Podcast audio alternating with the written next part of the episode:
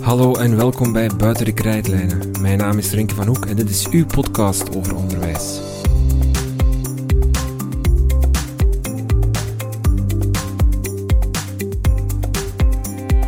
Vandaag krijgt u de tweede aflevering in onze TeacherTap-reeks. TeacherTap is een gratis app die je elke dag de kans geeft om drie meerkeuzevragen te beantwoorden die aansluiten bij de dagelijkse praktijk of de actualiteit van het onderwijs. Want elke dag staan velen van jullie voor de klas, werken aan onderwijsbeleid of doen onderzoek naar onderwijs. En hoewel je veel met je collega's spreekt, vraag je je soms ook wel af of dat elders ook zo is. Wat denken al die andere leraars hierover? Om een zicht te krijgen op wat al die andere onderwijsprofessionals denken, is er TeacherTap Vlaanderen. In deze podcast duiken we in de resultaten van enkele vragen die aan de gebruikers van TeacherTap werden voorgeschoteld en gaan we daar dieper op in samen met een expert. Vandaag hebben we het over digitaal leren. De voorbije weken werden daarover enkele vragen gesteld in de app. Zo werd er gevraagd naar hoe vaak leerkrachten digitale tools gebruiken in de klas en met welk doel die dan worden ingezet. We bespreken de resultaten met Stefanie van Bekkelaren. Stefanie is doctoraatstudent aan de KU Leuven en ook lid van het iLearn-project binnen de onderzoeksgroep van IMEC. iLearn doet onderzoek naar digitaal gepersonaliseerd leren. Denk jij nu, ik wil ook meedoen met die TeacherTap-applicatie, elke dag die bevraging invullen? Wel, dat kan, zonder enig probleem. Ga dan als een bliksem naar de App Store en download de TeacherTap Vlaanderen app. In een paar klikken kan je meedoen. En dan duiken we nu de vragen in over digitaal leren met Stefanie van Bekkelaren.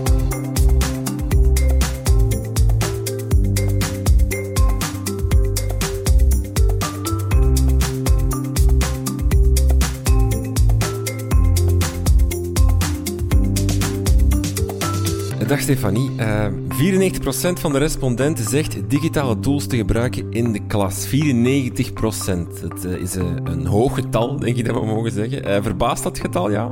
Um, het is een hoog percentage, inderdaad. Maar het verbaast mij eigenlijk niet echt. Uh, in Vlaanderen, maar ook elders ter wereld, wordt er al jarenlang onderzoek gedaan naar het gebruik van digitale tools in de klas.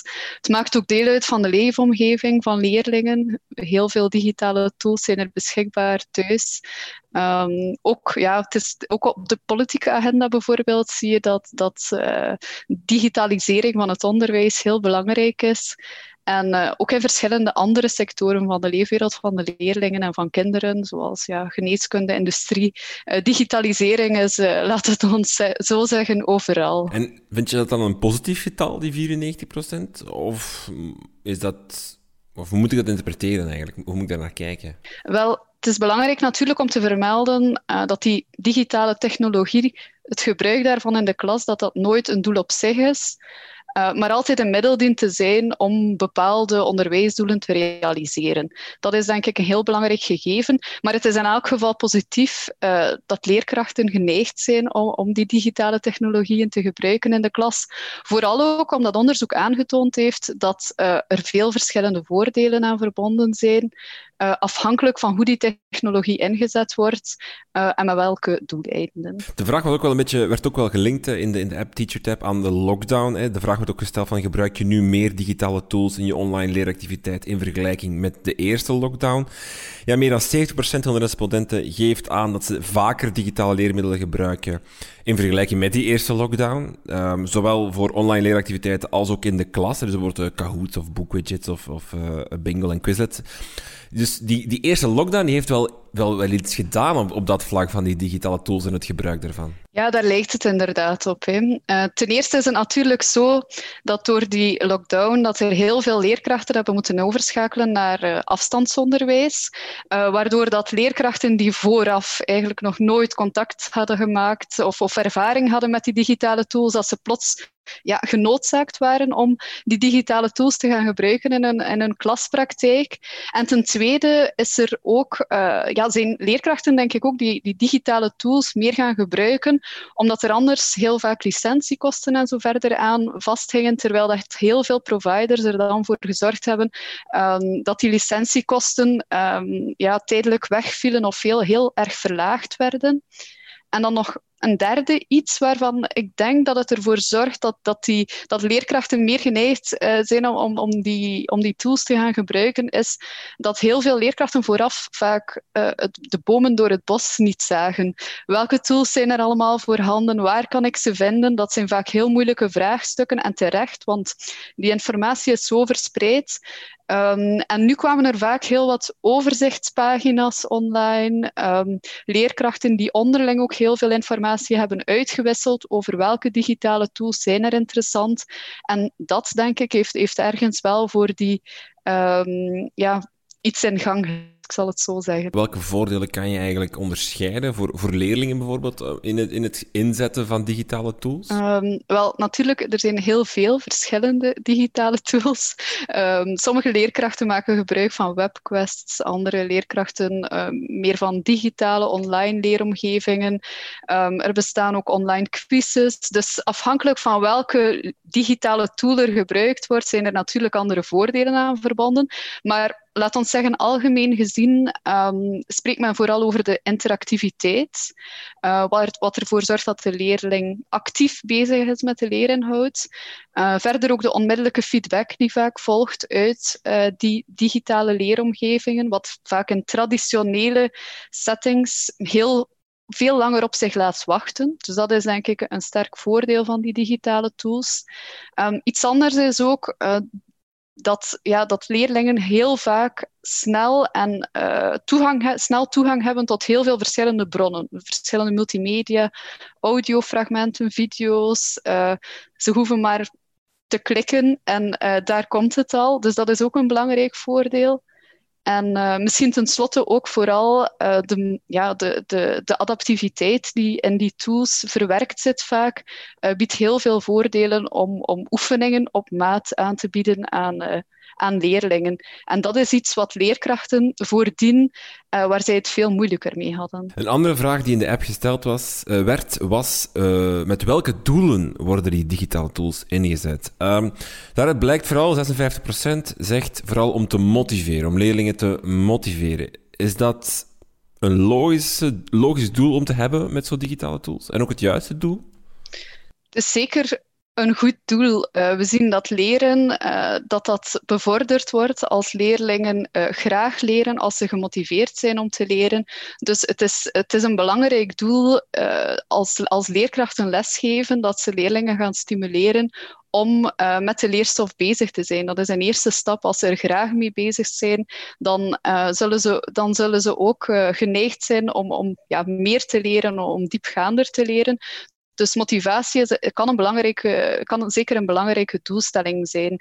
En gezien de voordelen die ik daarnet ook al noemde, zoals die interactiviteit, um, die onmiddellijke feedback, uh, die adaptiviteit, leerlingen krijgen oefeningen op maat. Uh, als ze oefeningen krijgen die niet te moeilijk, maar ook niet te gemakkelijk zijn, zullen leerlingen hun interesse minder verliezen, uh, zullen ze gemotiveerd zijn om, om misschien meer te leren en daardoor ook uh, effectief meer gaan leren. Dus die motivatie is zeker een belangrijke factor. Mhm. Een ander eh, doel was uh, met 42% was het verwerven van kennis. Het opdoen van kennis. Ja, dus vanzelfsprekend ook een belangrijk doel. Uh, het belangrijkste doel van ons onderwijs is natuurlijk dat leerlingen bepaalde kennis en vaardigheden gaan verwerven. Dus het, het mag niet verbazen, denk ik, dat dat ook een belangrijk doel is. Um, het kan gaan van automatiseren van leerinhouden, uh, zoals het leren lezen, um, rekenoefeningen, tot meer complexere uh, leerinhouden aanbieden aan leerlingen. Um, opnieuw, als we dan kijken bijvoorbeeld naar adaptieve digitale tools, ja, dan zien we dat als leerlingen oefeningen krijgen die niet te gemakkelijk, niet te moeilijk zijn, dat ligt in, leer, in, in, in lijn met, um, ja, met, met uh, het idee bijvoorbeeld van scaffolding, van de zone van de naaste ontwikkeling. Uh, leerlingen, op die leerlingen op maat laten werken aan die oefeningen, uh, dat zorgt ervoor dat leerlingen um, ja, zich meer op hun gemak voelen en, en ja, kunnen leren op hun eigen maat. Um, of dat effectief ook leidt tot betere leerresultaten, daar is eh, onderzoek, um, ja, nog, nog, daar is, zijn de resultaten uit onderzoek nog niet helemaal eenduidig over. Uh, we zien als, als we studies, uh, studies die traditionele leermethodes zoals pen- en papieroefeningen vergelijken met uh, digitale, het leren met digitale tools, dan zien we dat ze vaak minstens evenveel leren in termen van leeruitkomsten, uh, soms ook meer, maar daar zijn de resultaten nog niet uh, eenduidig over. Nog een, een, een belangrijk doel waarmee digitale tools worden ingezet is evalueren. 45% van de respondenten geeft aan van daarvoor gebruiken we dat. Um, lijkt me een heel logische, in de zin van je kan het heel vlot doen, je kan het op een heel snelle manier doen. Moet ik het uh, ook zien, evalueren in alle vormen en maten, namelijk formatief, uh, summatief, op al die manieren kan het ingezet worden?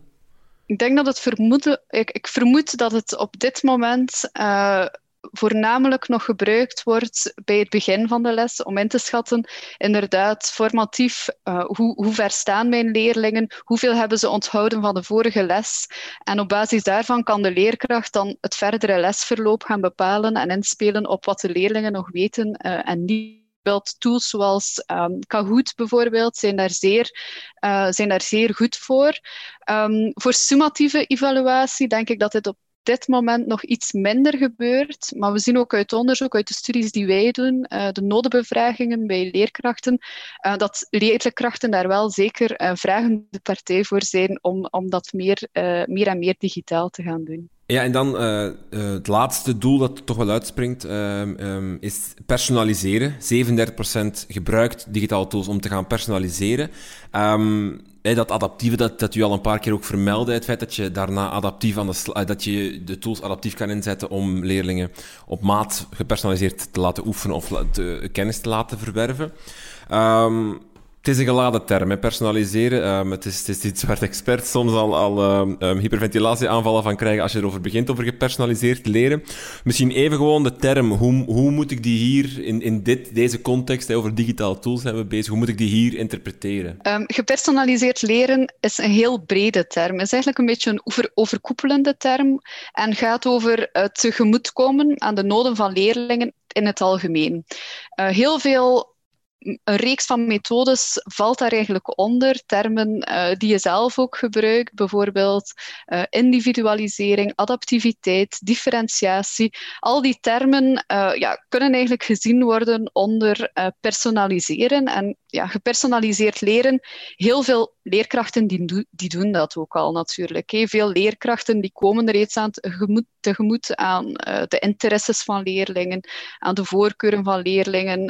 ze gaan de hun manier van lesgeven aanpassen, leren houden aanpassen, evaluatie aanpassen. Dus heel veel leerkrachten, bijna alle leerkrachten, uh, doen dat al. Alleen worden daarvoor uh, nog niet altijd die digitale tools uh, ingezet, denk ik. Want dus eigenlijk als ik bijvoorbeeld in het begin van de les een, een, een, een, kort quizje doe, of ik stel drie vragen aan mijn leerlingen, en ik verdeel mijn klas daarna op in twee delen, namelijk diegene die die drie vragen goed konden en diegene niet, dan ben ik aan het gepersonaliseerd leren aan het doen eigenlijk. Ja, exact. Differentiatie, zoals het ooit noemde en waarschijnlijk dan tien jaar ervoor een andere naam had of zo. Inderdaad, exact. Ja, een ander voorbeeld is bijvoorbeeld als uh, leerkrachten voorleessoftware uh, geven aan een leerling met dyslexie en, en die leerling daardoor individueel verder op weg helpen.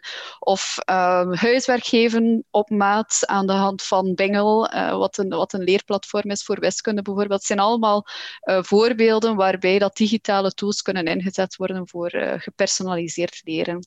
En belangrijk misschien daarbij ook nog is dat het niet altijd gaat over uh, aan het individuele kind, maar zoals dat je zelf zegt, uh, dat het ook kan gaan over leerlingen op basis van de resultaten van een quizje indelen in verschillende groepen en die groepen op een bepaald niveau laten werken. Dat is evenzeer gepersonaliseerd leren. Het hoeft niet te gaan over uh, het aanpassen van methodes aan elke individuele leerling. Het kan, maar het hoeft niet. De, manier die jij nu vertelt, dat lijkt mij ook, dat is ook wat ik voor mij zie als je zegt over we gaan digitale tools gebruiken voor gepersonaliseerd uh, of, of, differentiatie. Namelijk, ik laat, ze, uh, ik laat hun voorkennis testen, of halverwege de les test ik hun kennis, en op basis daarvan verdeel ik ze in groepen waarna ik als leerkracht uh, verschillende instructies kan geven.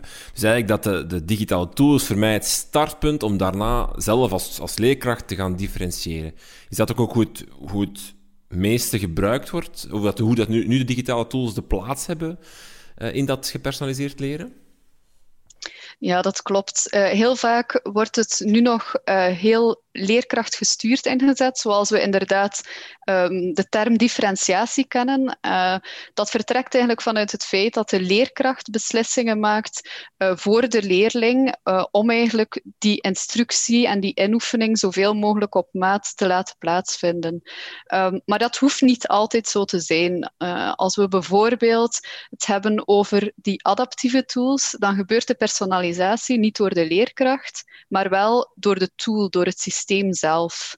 Uh, een andere vorm van personalisatie kan zijn dat de leerling uh, bepaalde beslissingen maakt en zelf uh, beslissingen maakt over hoe en, en hoe het verdere leerproces er gaat uitzien. Want dan komen die begrippen system control en learner control naar boven. En ik ga gokken, maar system control wil dan zeggen de, de tool maakt de adaptatie, die gaat het personaliseren. Learner control is de leerling gaat zelf ehm, de, de, de keuze maken, zal ik maar zeggen. Hè.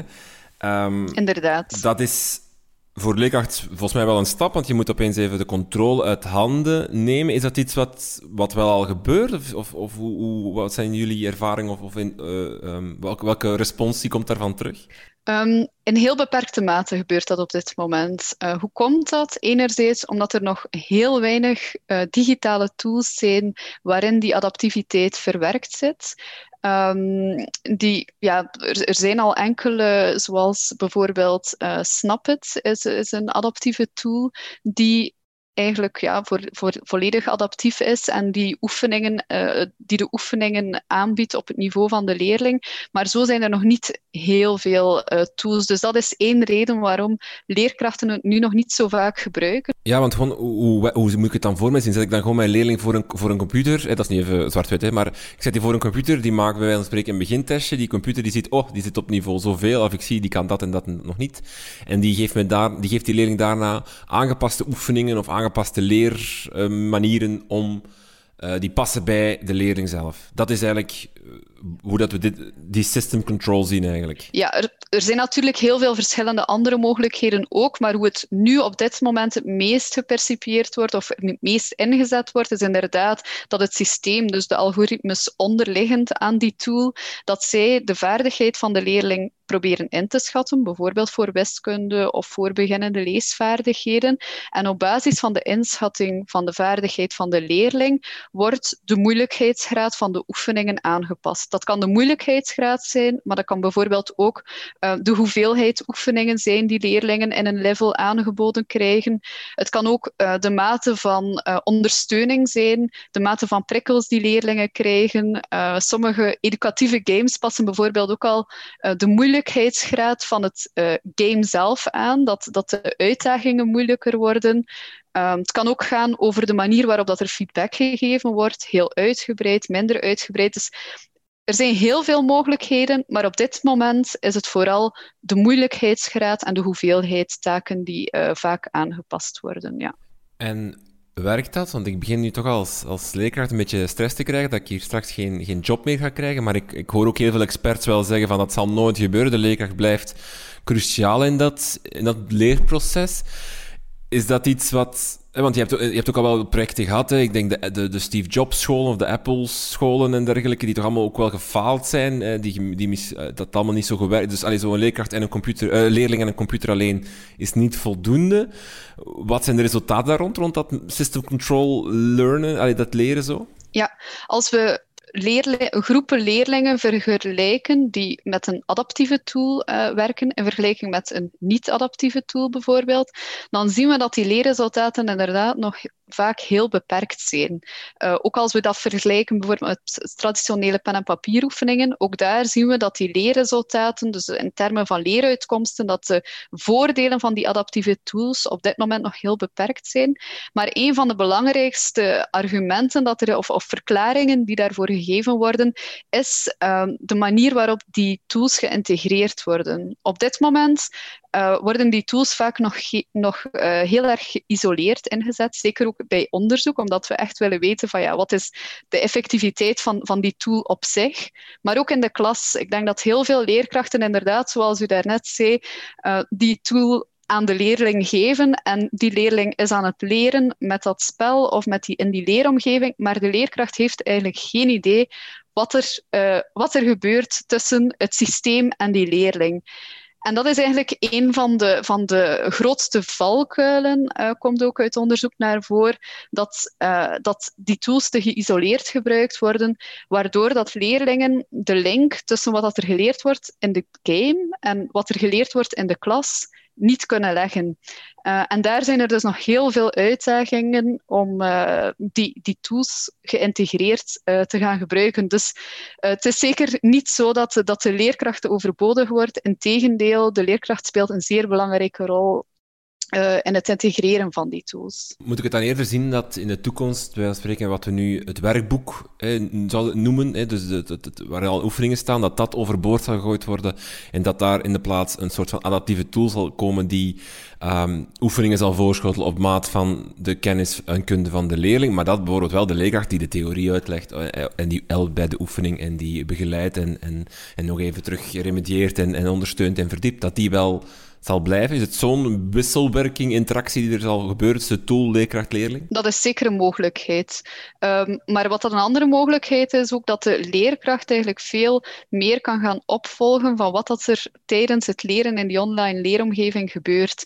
Uh, wat er daarvoor nu meer en meer um, verschijnt, is eigenlijk het gebruik van dashboards, uh, leerkracht-dashboards, die wat je je daarbij moet voorstellen, is een soort van presentatie, een overzicht van, aan, voor de leerkracht van de leerresultaten van de leerlingen. Waarop de leerkracht bijvoorbeeld kan zien hoeveel oefeningen een leerling gemaakt heeft, een foutenanalyse kan, uh, kan zien waar maken leerling, bepaalde leerlingen nog fouten op, wanneer hebben ze geoefend, hoeveel hebben ze geoefend um, en zo verder. Zijn de taken te moeilijk, zijn de taken te gemakkelijk? En op die manier kan de link heel goed gelegd worden tussen wat er gebeurt in die online leeromgeving en wat er gebeurt um, in de klas, inderdaad. Zoals ik nu al een beetje bij een boekwidget oefening kan zien, oh, vraag 2 heeft 80% van mijn leerlingen fout dat gaat over dat stukje, dat moet ik blijkbaar nog eens dringend herhalen in de klas. Dat ik... Maar dat gaat eigenlijk over ook een soort van omgaan met data, hè, want dat, dat, dat, daar moet je als leerkracht dan ook wel klaar voor zijn. Hè, om, om met, uh,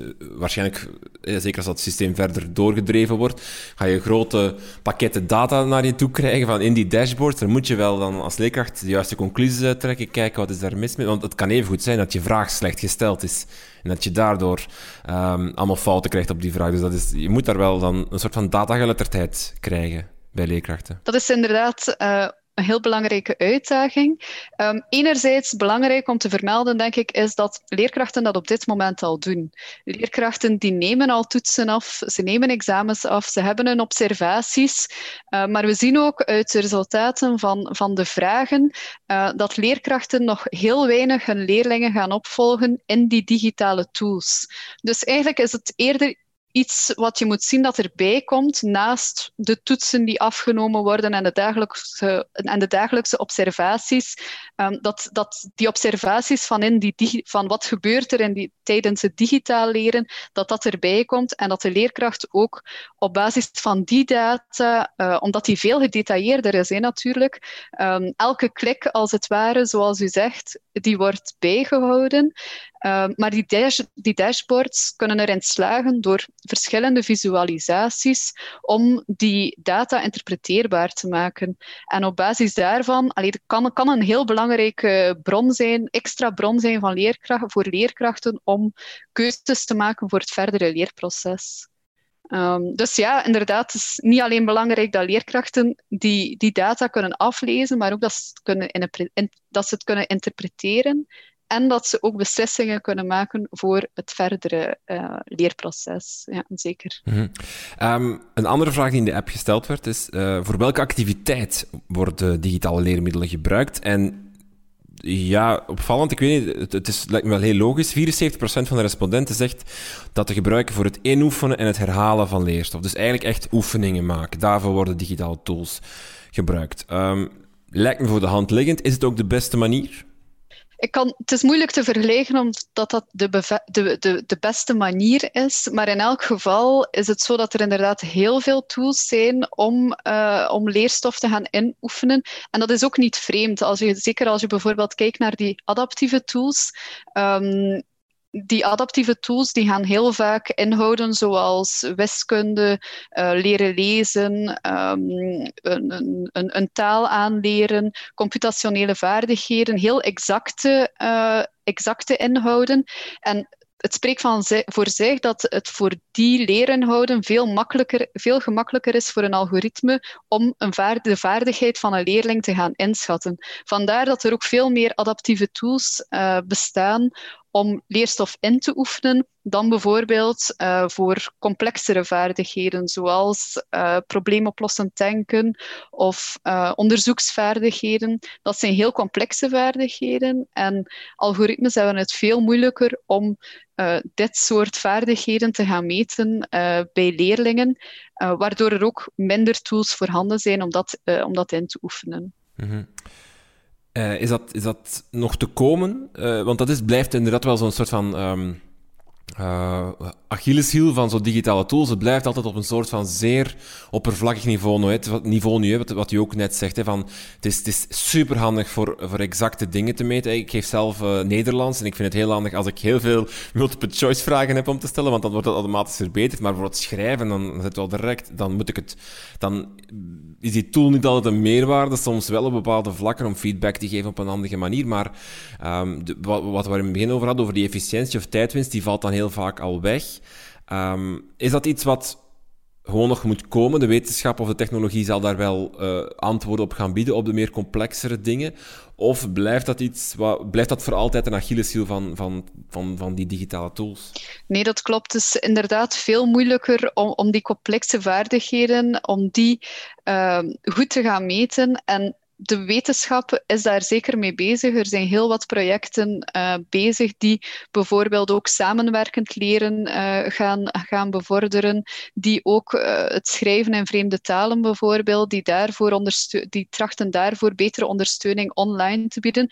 Dus dat is zeker iets dat nog volop in ontwikkeling is, um, maar dat tijd zal vragen om daar goede leeromgevingen voor te ontwikkelen. Ja. Een veel kleiner aantal, 35%, gebruikt digitale tools om de vooruitgang van leerlingen op te volgen. Wat we daarnet al uh, bespraken. Dus zit, zit rond de 35% Dat is niet veel, maar in vergelijking met bijvoorbeeld het feit dat 74% die gebruikt om te oefenen, is het wel een serieuze achteruitgang als je weet dat je eigenlijk heel vaak als ze oefenen ook de vooruitgang kan opvolgen. Die twee zijn vaak aan elkaar gelinkt. Vaak is er een dashboard, hè, wat u vertelde, uh, als leerlingen inoefenen daar valt dus nog wel wat progressie te maken, denk ik dan. Ja, absoluut. Um, enerzijds natuurlijk zien we dat die digitale tools heel vaak nog niet over een dashboard beschikken. Dus dat is natuurlijk een eerste probleem, dat leerkrachten gewoon aan hun lot overgelaten worden en niet weten wat er gebeurt in de online leeromgeving.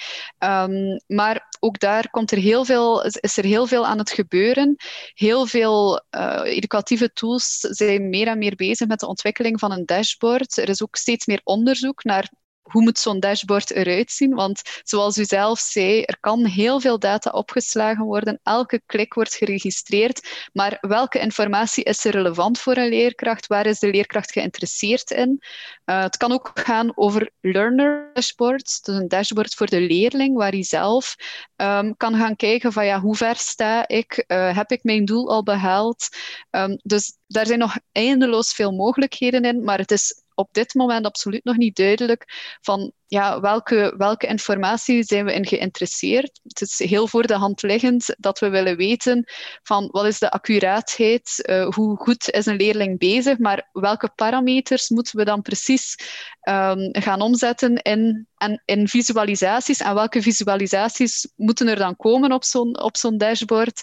Um, dat is nog, uh, ja, dat is nog, een, nog een vraagstuk dat we in de toekomst uh, zeker moeten behandelen. Even naar de, de, de toekomst kijken, als laatste misschien. Um, want het is natuurlijk inderdaad, die lockdown heeft een versnelling teweeggebracht. Um, hoe belangrijk is het als school om, om, om...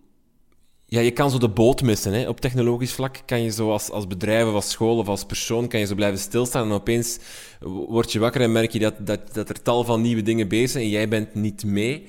In hoeverre is het belangrijk dat scholen vinger aan de pols houden? Ik denk dat, het, dat, het, dat we er niet omheen kunnen dat die digitalisering dat die plaatsvindt in alle domeinen van onze samenleving. Dus denk ik dat je ook als school daar uh, dient in te investeren. Maar zoals je zelf zegt, uh, is het heel belangrijk om na te denken wel, voor welk doel gebruik ik die digitale tool. Um, en, en ja, werkt het om, om leerlingen eh, te motiveren, om hen te evalueren, om te personaliseren, afhankelijk van het doel waarvoor dat je de digitale tools gebruikt. Uh, ja, is, zou ik zeker aanraden om, om, als, om, om als school uh, daarop verder in te zetten. Ja, absoluut. En ook financieel, want je zei daarnet van ja, veel, veel bedrijven hebben die licentie even achterwege gelaten tijdens, tijdens de corona, de lockdown en dergelijke. Um, dat zal ooit wel terugkomen, er zal terug moeten betaald worden. En, en veel tools zijn, als je ze echt intensief gebruikt en als je ze ook volledig wil gebruiken, en dat, dat is vaak dan ook wanneer je de meeste functionaliteit, moet je daarvoor betalen. Um, raad je school aan om bijvoorbeeld keuze te maken en, en toch te betalen voor bepaalde tools, omdat je dan toch ook die dashboards hebt en, en, en meer functionaliteiten en dergelijke? Om dat te durven doen? Goh, dat vind ik een moeilijke vraag. Um, ik denk dat er zeker een afweging opnieuw moet gemaakt worden. Um, voor elke leerkracht of elke werkgroep of elke school.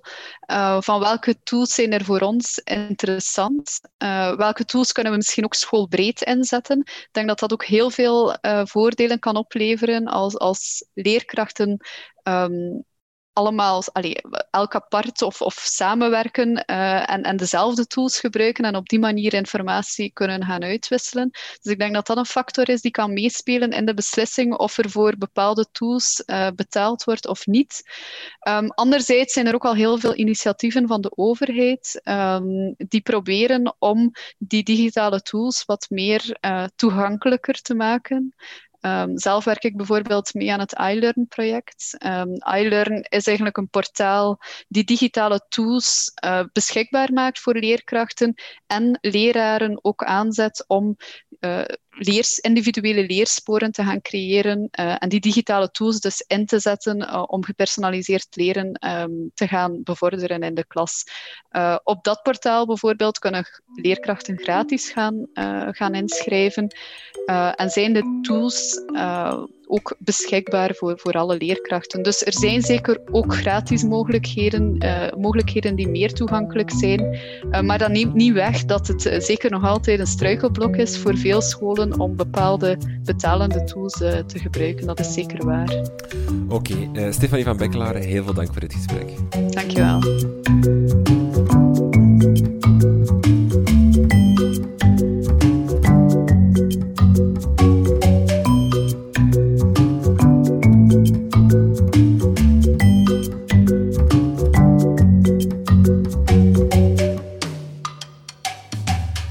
Dan voor deze aflevering over digitale tools in samenwerking met TeacherTap. TeacherTap is een initiatief van de Artevelde Hogeschool.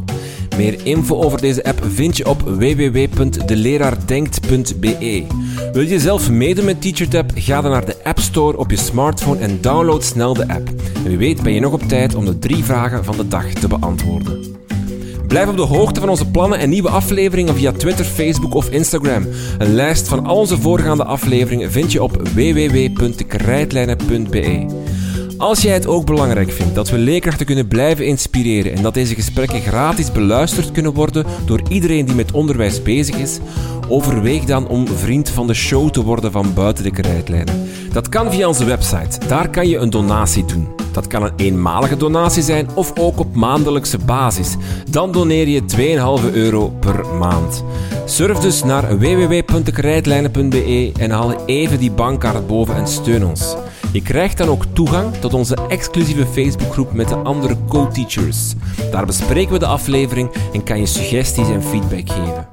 Je kan ook een recensie achterlaten in iTunes of in je Apple Podcast app. Dat is altijd leuk voor ons om te lezen, maar ook zo help je anderen om de podcast te vinden. Dank voor het luisteren en tot de volgende.